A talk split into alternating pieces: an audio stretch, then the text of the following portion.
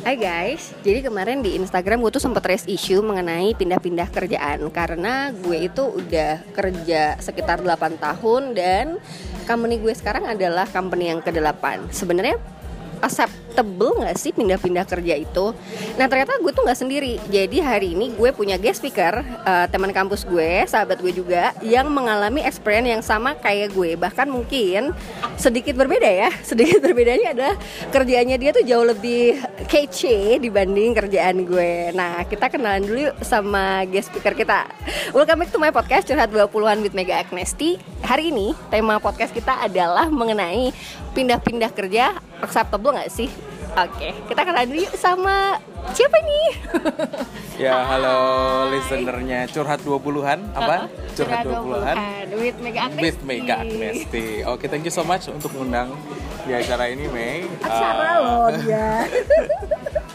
Karena dulu gue biasanya punya acara ya Oke ini. baik. Dulunya dia anaknya penyiar guys. Sekarang dia yang diinterview dan agak deg-degan ya, Shay. Yes. Oke, eh, nama saya Resha. Saya kenal Mega dari zaman kuliah. Ini gua, saya apa gua apa? kamu? Gue aja. Oh, gue ya. Dari zaman kuliah, eh, Mega has been my best friend. Eh, Zaman susah ya. dari Rasya. zaman susah dan setiap kali juga iya. Dan setelah lulus kita juga sering pindah-pindah tempat kerja dan Banget. kita pun selalu share gitu whether or not um, pindah-pindah yang kita ambil ini acceptable. Cuman kita sih selalu ngelihat as long it's better for us then why not gitu sih. Betul. In kalau nutshell. emang itu baik untuk karir kita, untuk masa depan kita lah ya, Res ya. Hmm. Menurut kita pribadi itu acceptable. Tapi kita pengen bahas lebih lanjut. Sebenarnya secara benchmark dengan yang lain-lain itu acceptable nggak sih? Tapi sebelum kita membahas itu lebih lanjut, gue pengen tanya dulu nih, histori kerjanya Resa tuh kayak apa sih? Nah kalau kalian kemarin lihat Instagram story gue, gue tuh sempet share uh, LinkedIn profilnya Resa. Nggak apa-apa ya Syah. Dan di situ kalian tuh udah bisa lihat gitu histori pekerjaannya Resa kayak apa. Mungkin uh, in a nutshell kayak gimana sih Res histori pekerjaan lo selama ini? Hmm, pantes banyak banget yang nge-view LinkedIn gue ya. Ternyata dari hasil di share sama Mbak Mega yang nge-hits ini. Oke, tapi kalau uh, in a nutshell sih sebenarnya uh, gue sih di tech industry. Dan gue selalu konsisten di marketing gitu. Jadi uh, gue selalu make sure bahwa gue akan pindah di tempat yang gue suka in terms of uh, the job role ya. passion ya. Bener gitu. Karena marketing memang udah sesuatu yang gue pelajari dari kuliah di S1 termasuk gue juga mm, karir gue selalu di marketing kemudian kemarin MBA gue juga di bidang marketing. Jadi gue selalu uh, make sure bahwa uh, apa uh, industri dan juga apa bidang pekerjaan itu match dengan passion gue gitu sih. Nah uh, in terms of history uh, sebenarnya gue mungkin nggak bisa share secara ini ya karena ini bukan headhunter kan si ibu. Bukan interview kerja ya, iya. Nanti boleh dicek di LinkedIn saya di bawah ini sih. Tapi eh, saya sih em, pertama kerja di di software company di di worldwide software company. Kemudian eh, pindah sempat di insurance. Alright. Eh, juga eh, multinational insurance company Eh, cuman sebentar waktu itu eh, kemudian balik lagi ke IT tapi sekarang ke hardware hard hardware. Oh, Iya, oke, jadi software ah, sudah ke hardware masih juga di marketing. Mm-hmm. terus eh, dari hardware dan I move to oh ya saya dapat MBA dapat scholarship untuk belajar MBA di US alright Ah, LPDP lo guys Resa presidential scholarship Oh, lebih tepatnya. Lebih higher dari LPDP baik.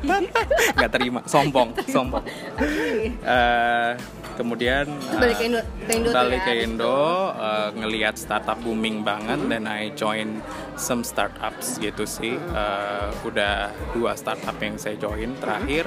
Kemudian ini terakhir tadi balik ke company yang baru collapse dan ini saya Oke. sudah sudah mengakhiri hubungan pekerjaan dengan mereka gitu Baik. yes Tapi emang kayaknya hawa-hawanya startup itu emang gitu ya. Maksud Yes. gue adalah gue juga pernah di startup dan kayaknya startup itu yang sering bikin insecure karyawannya adalah ini kelangsungan hidupnya gimana gitu ke depannya ya nggak sih Res? Betul. Jadi eh, kelebihan mereka memang eh, secara package mereka pasti lebih berani ketimbang teman-teman kita yang mungkin bekerja di corporate gitu. Tapi Uh, if you're looking for like uh, safety pasti uh, atau security pasti lebih milih uh, corporate gitu. Well established company ya. Well established. Cuman kalau misalnya kayak apa orang yang udah hobi di startup sih harusnya mereka udah bisa hedge the risk by themselves ya. Kira-kira nanti saya juga selalu ngomong sama istri saya um, what if like uh, tiba-tiba kayak end up gitu. Uh, makanya saya juga kemarin pakai jasa financial advisor juga sih to make sure bahwa uh, kalaupun ada hiccup seperti saat ini, misalnya perusahaan tiba-tiba tutup, uh, everything is okay gitu.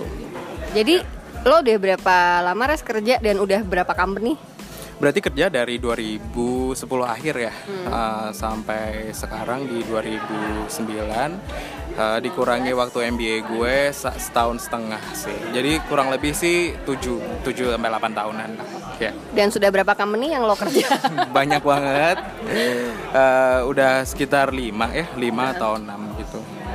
Better ya guys, gue tuh um, 8-9 tahun kerja dan ini company ke-8 gue. Wow, on average setahun satu. ya, yeah, yeah. setahun ganti company gitu. Tapi yang terakhir lo lama kan? Yang ini udah lumayan, lumayan udah sekitar lebih. hampir hampir satu setengah tahun gitu.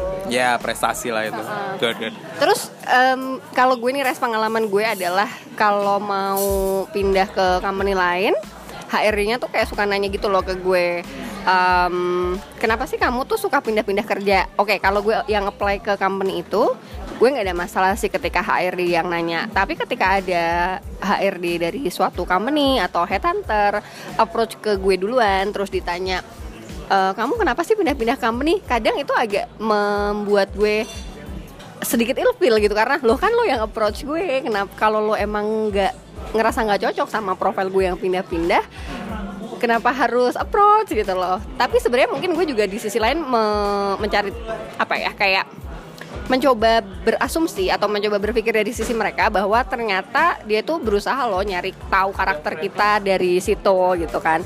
Kalau lo sendiri gimana ya sudah pernah mengalami pertanyaan-pertanyaan kayak gitu nggak Iya, uh, pasti sih. Uh, dan menurut gue sih kita harus paham ya kalau headhunter ataupun HR kenapa mereka nanya, because they have to explain uh, ke users atau mungkin ke klien mereka uh, kenapa anak ini pindah-pindah dan apakah alasannya justifiable atau memang dia sekedar bosenan terus pindah gitu.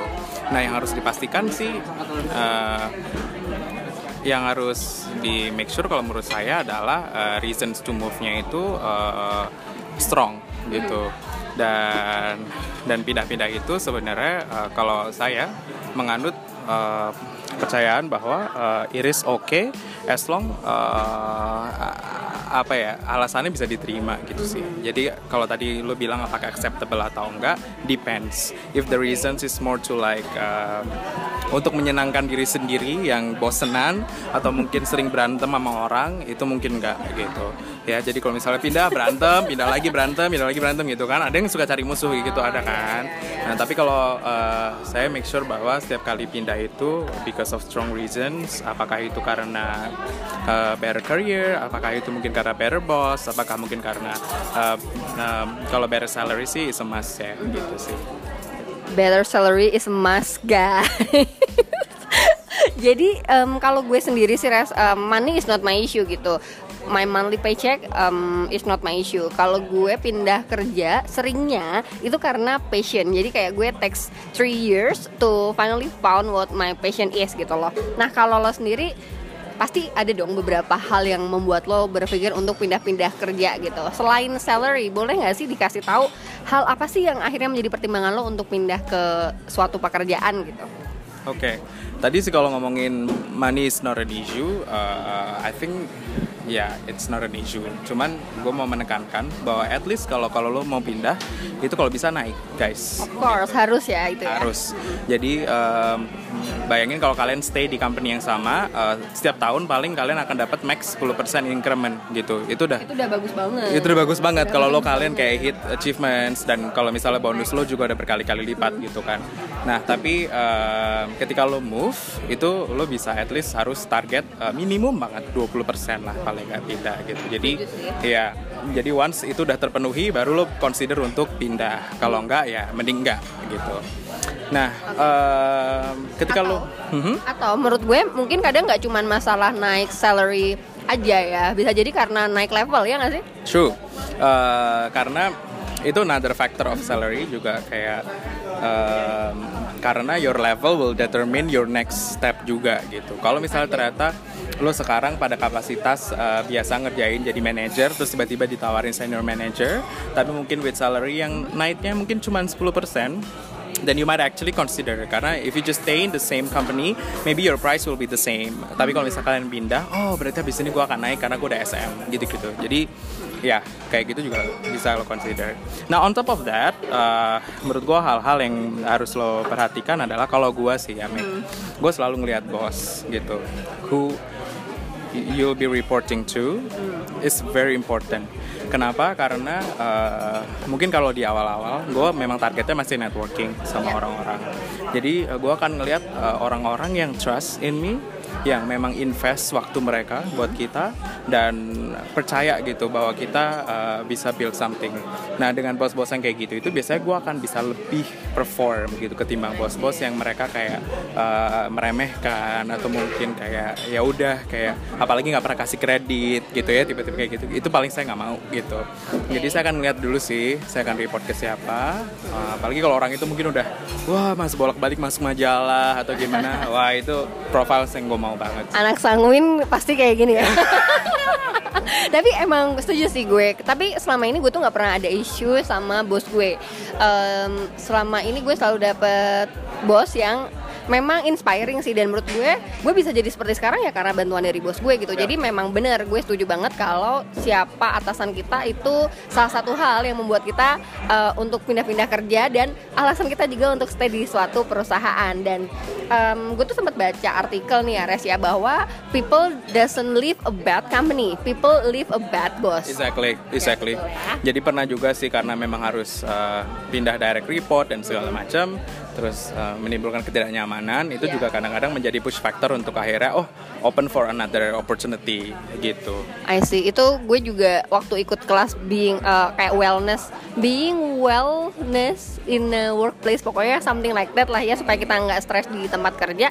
Salah satu isu yang dibahas adalah tentang atasan. Jadi guys, sebenarnya kalau kalian ngerasa bahwa lo punya toxic relationship sama atasan lo, ini juga bisa menjadi salah satu strong reason why you need to leave your company kalau misalnya kayak udah setahun dua tahun lo pendem-pendem sendiri gitu mungkin ini adalah salah satu hal yang bisa bikin lo untuk resign dan rating about your uh, current career right yes. terus kalau misalnya awal-awal kerja nih res dulu kan kita kalau gue ya kayak pertama kali kerja um, kadang tuh gue nggak belum tahu lah apa yang gue mau dalam hidup ini gitu. Jadi masih ngelihat ke sana kemari sebenarnya role pekerjaan apa sih yang cocok buat gue industri apa sih yang cocok buat gue. Nah kalau lo pas awal-awal karir tuh emang udah tahu industri atau role apa nggak yang lo pengen Iya, kalau industri itu biasa waktu awal-awal ya pasti enggak dong gitu. Karena kan waktu itu gue cuman ngertinya gue belajar marketing s 1 jadi gue habis ini gue mau jadi marketer. Cuman emang uh, dulu ya ya mimpi mimpi inilah ya uh, mimpi-mimpi babu gitu zaman dulu ngayal babu. Uh, kayaknya kalau kalau ngelihat orang kerja di multinational company itu keren gitu. Jadi memang dulu dari dari kuliah udah nargetin untuk bisa masuk MNC itu sih. Terus kebetulan kesampaian dan langsung masuk di tech industry Nah biasanya uh, your first job itu will determine your next step gitu. Ketika lo udah experience in certain industry, then you will have like certain experience gitu dan udah punya nilai jual tersendiri untuk bisa masuk juga di uh, industri yang sejenis gitu. So I think uh, biasanya sih uh, kalau bisa pindah itu uh, di tempat yang memang kita udah mastering dan kita punya nilai jual uh, sehingga uh, apa kita bisa outdo the expectation of our boss and then uh, kita bisa contribute so that you'll be happy of your achievements gitu sih. Bisa dibilang waktu awal-awal kerja ini kita harus tetap eksplorasi what we want to be in next step or something? Exploring ourselves or gimana? Um, kalau menurut gue perlu um, karena gini um, kayak misalnya misalnya gue udah tahu gue mau di marketing gitu kan nah on my first job ternyata gue di tech gitu. Terus gue ngeliat keluar nih wah anak-anak ada yang di financial ada yang di apa gitu kan. Kayak seru ya gitu.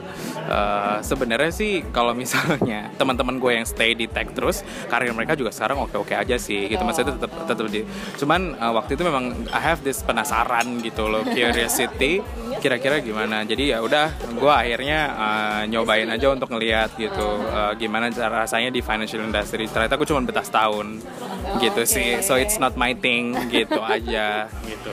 Jadi akhirnya gue pindah. Balik lagi ke tech exploring role dan industri itu adalah salah satu alasan gue dan Resa pindah-pindah pekerjaan. Karena at that stage gue rasa sih kita berdua sama lah ya Resa kita pengen mencari tahu sebenarnya role seperti apa yang cocok sama kita. Misalnya sama-sama marketing tapi apakah markom atau lebih ke PR atau lebih ke business development. So you know marketing itu banyak banget kan jenis-jenisnya. Nah itu itu yang pengen kita explore gitu. Dan lately digital marketing e-commerce. Bahkan kalau kita ngomongin e-commerce juga masih banyak segmentasi pekerjaannya gitu. Jadi salah satu yang bikin kita pengen bereksplorasi adalah hal-hal itu guys. Dan yang kedua kalau buat gue sama Resa exactly hampir sama nih industri ya. Kalau lo kan pertama di tech terus pindah ke financial institution. Hmm. Kalau gue dari FMCG ke airlines ke fashion uh, ke e-commerce dan pada akhirnya sekarang gue ke beauty gitu. Jadi kita masih tetap exploring industri yang kita inginkan walaupun udah 8 kali pindah kerja. Betul. As long we still do uh, whatever things that we love, right? Especially marketing gitu.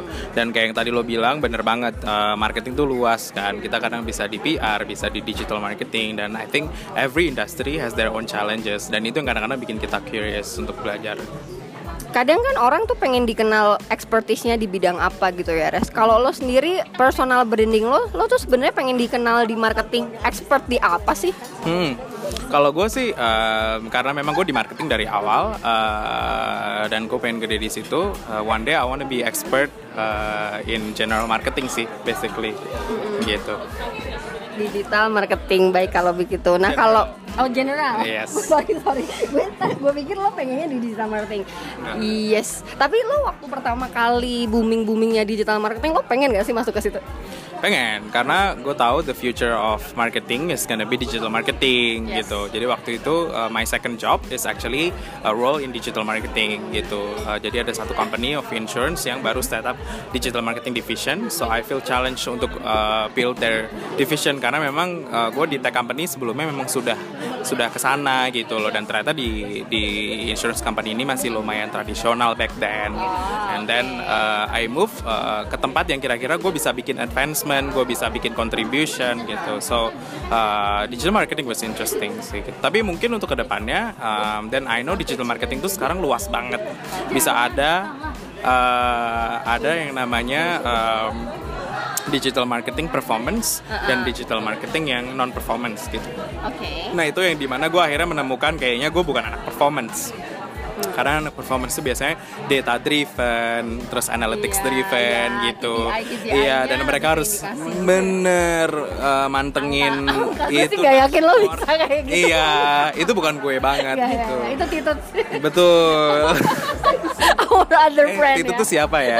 ya oke kita nggak usah sebut dia dalam pembicaraan ini ya jadi uh, gue rasa itu sih Oke, okay. tapi setelah lo ada di area digital marketing kehidupan lo di karir itu seperti apa sih sekarang gini kalau gue setelah digital marketing walaupun di small company ya tapi itu yang bikin exposure gue jadi makin meningkat terus gue bisa dapat kesempatan untuk jadi speaker di acara yang audiensnya nasional maupun internasional which is itu salah satu staff development yang bagus untuk gue gitu kalau lo sendiri apakah merasa bahwa the race of digital marketing ini um, sangat berguna untuk diri lo dan karir lo ke depan? Yeah, so uh, when I was hired untuk this uh, company aku yang terakhir, uh, role gue main tinggi ya SGM gitu. Uh, jadi memang di situ uh, I have to own the business gitu, entertainment business. Nah, uh, setelah aku masuk ke situ, ternyata uh, semua ilmu marketing aku tuh uh, kepake banget gitu. Dan yang udah nggak ada lagi yang namanya digital marketing, apalah marketing gitu. Kayak ya semua marketing is marketing gitu. Okay. Jadi uh, ketika lo join ya every everybody already expected kalau lo at least bakal ngerti apa itu Google Analytics, terus uh, gimana caranya ngebaca Google Analytics, terus kayak gitu sih. Jadi uh, menurut gue apa yang gue pelajari sebelum-sebelumnya itu pasti akan berguna ketika nanti lo uh, udah naik uh, to certain level. Oke, okay. kalau kita membicarakan digital marketing, kadang ini relate to salah satu industri bisa dibilang startup atau mungkin e-commerce atau any other uh, the new industry gitu kan res. Apakah lo juga sempat kepikiran untuk bekerja di startup? Apalagi kan lo sempat S2 nih di US ya gua rasa orang-orang kalau balik dari US tuh pengennya bikin startup gitu. Nah lo sendiri gimana sih res? Bikin ya. Bikin. Uh, jadi gue udah pada tahap yang gue menyadari bahwa gue tuh bukan entrepreneur gitu. Maksudnya entrepreneur itu comes by talent gitu. Ini gue banget juga nah, dulu waktu awal-awal ngelihat semua orang punya bisnis kayak ah kayak enak nih kayak punya ini itu gitu. Tapi kan gua, lo tahu sendiri gue juga udah punya udah punya distro di Semarang juga kan. Ah. dan ternyata it didn't really work uh, makanya terus gue menyadari gitu limitations gue itu apa gitu. Karena memang uh, as an owner of a company you need to have is like uh, really uh, apa ya 24 hours of dedication gitu. Nah itu yang mungkin sampai sekarang gue masih ah nggak deh kayaknya lebih enak kerja. Jadi pekerja aja. Yeah. tapi gue juga setuju sih. Kadang kadang kita itu um, apa namanya pengen banget tertarik sama startup gitu kan. Tapi pas akhirnya kita di startup kita sadar bahwa ternyata jadi entrepreneur itu adalah hal yang cukup berat. Karena it's not only tentang fundingnya tapi tentang strateginya dan how to expand your company right? Dan salah satu hal yang pada akhirnya membuat gue resign dari suatu startup adalah karena memang gue berpikir um, banyak insecurity-nya gitu di industri ini. Akhirnya gue balik lagi tuh ke well established company. Nah itu ada salah satu alasan gue resign. Tapi mungkin kalau lo lo tetap stick to this industry atau gimana res? Iya, uh, jadi kalau gue sih prinsipnya sekarang gue open gitu. Uh, bukan terus kayak gue menutup diri uh, gue tahu startup yang gue tadinya join adalah tutup gitu ya. Tapi bukan berarti bahwa gue udah kapok gitu. Buktinya pun gue sekarang lagi consider beberapa opportunity di startup companies. Karena emang uh, in the future memang uh, startup inilah yang akan menja maksudnya menjadi baby baby yang akan growing very big gitu. So so gue sih uh, udah ngomong sama bini gue selama kita punya planning yang baik uh, bisa hedge the risk uh, dan udah bisa anticipate apa yang terjadi uh, at least three months safe gitu uh, pasti lo akan baik-baik aja sih di startup company. Karena kenapa? Kalau startup tuh lo belajarnya banyak banget me gitu. Karena lo misalnya nih title lo dulu marketing tapi apakah lo hanya mengerjakan marketing enggak. Gue sales juga sih shy kan BD juga sales juga gitu. Jadi uh, ketika lo interview interview uh, atau mungkin going to the next steps itu lo bisa lebih rich in terms of experience. Dan itu yang masih gue cari karena gue masih muda Baik, Bapak umurnya berapa sih? Udah bilang masih muda? Masih. 29 iya. Udah 30 cok. Oh ya 30 ya. Yeah. Ya 30 tuh masih banyak kesempatan lah ya untuk kita.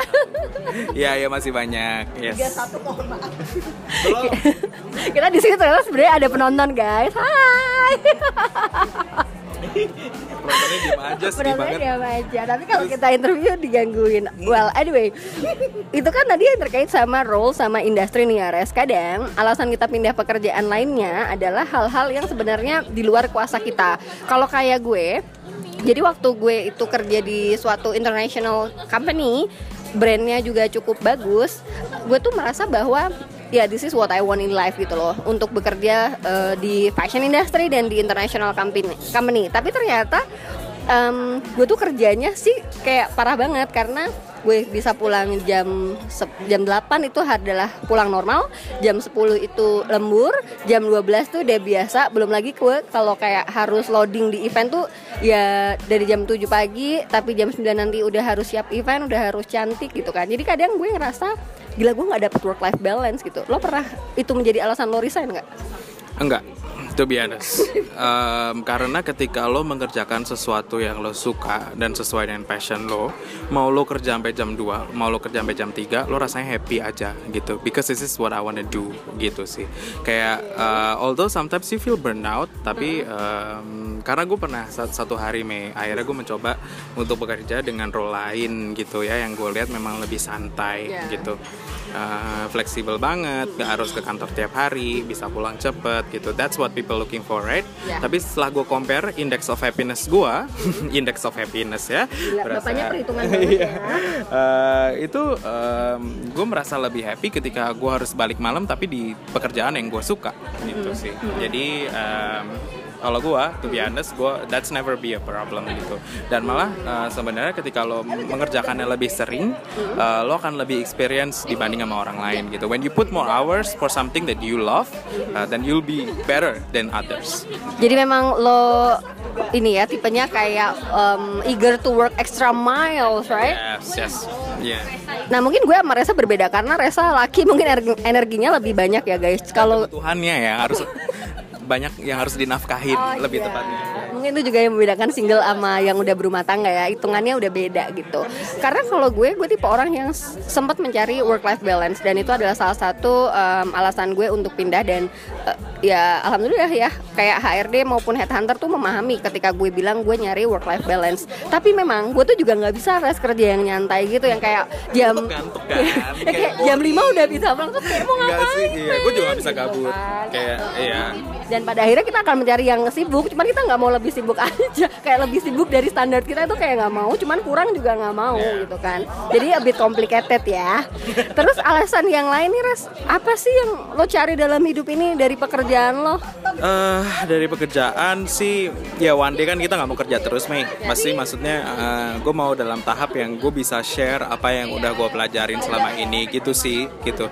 Jadi one day banget gue pengen banget sih uh, mungkin PhD kali ya. Ketinggian nggak ya? PhD terus habis itu mungkin uh, bisa dedicate my life untuk uh, sebagai pengajar aja sih atau mungkin sebagai coach gitu. Uh, and then I can share uh, apa yang udah saya pelajarin gitu ke anak-anak muda gitu. That's what I want tapi dan podcast ini salah satunya ya iya mungkin ini masih agak terlalu awal ya karena saya juga belum siapa-siapa saya masih orang biasa gitu ya one day kalau udah sukses banget mungkin udah si level apa gitu uh, pengen sih one day terus uh, bikin coach atau mungkin bikin kelas sendiri atau bikin apa yang akhirnya bisa share whatever you have earned. You know? Tapi untuk mencapai level itu kan lo harus mencari the highest position in the company, right? Um, sebenarnya not necessarily uh, karena bisa aja kayak what you need to do is just be an expert on something and then uh, you can share something that people don't know. Karena kadang-kadang pun uh, bos lo juga belajar dari lo gitu kan kalau menurut gue so uh, ya yang penting lo expert on something terus habis itu orang udah mengakui skill lo so I can share gitu. Tapi lo punya karir obsession yang masih belum kesampaian gak Res? Tough question. Iya sih, gue uh, pengen banget sebenarnya. Uh, dulu tuh sempat pengen kerja overseas gitu, cuman belum kesampaian karena istri hamil, saya harus pulang habis sekolah kan. Jadi itu masih penasaran banget sih sampai sekarang kayak apa sih rasanya jadi expat gitu. Negara lain. Di negara lain, ini particularly USA ya maunya. Susah kayaknya. Setuju, gue juga pernah sih waktu kemarin tuh uh, berpikir gue tuh pengen kerja overseas gitu sampai akhirnya kesempatan tuh datang tapi di Malaysia terus gue berpikir hmm kayaknya nggak maksud gue gue nggak mau negara Asia oh, gue maunya kayak di benuanya maunya ya sama Eropa atau Amerika ya, ya, gitu begitu lah ya, kan? ya, karena supaya lo belajarnya bisa banyak ya, gitu kan ya. dan kita nggak mau kalah dong sama bule-bule itu gitu.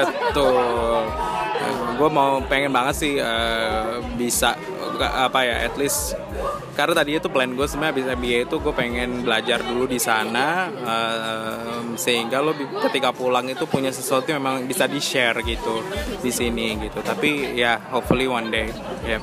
amen to that. Jadi waktu itu gue juga sempat uh, berpikir serius bahwa sebenarnya apa sih yang pengen gue capai setelah gue mencapai uh, kayak certain level di company?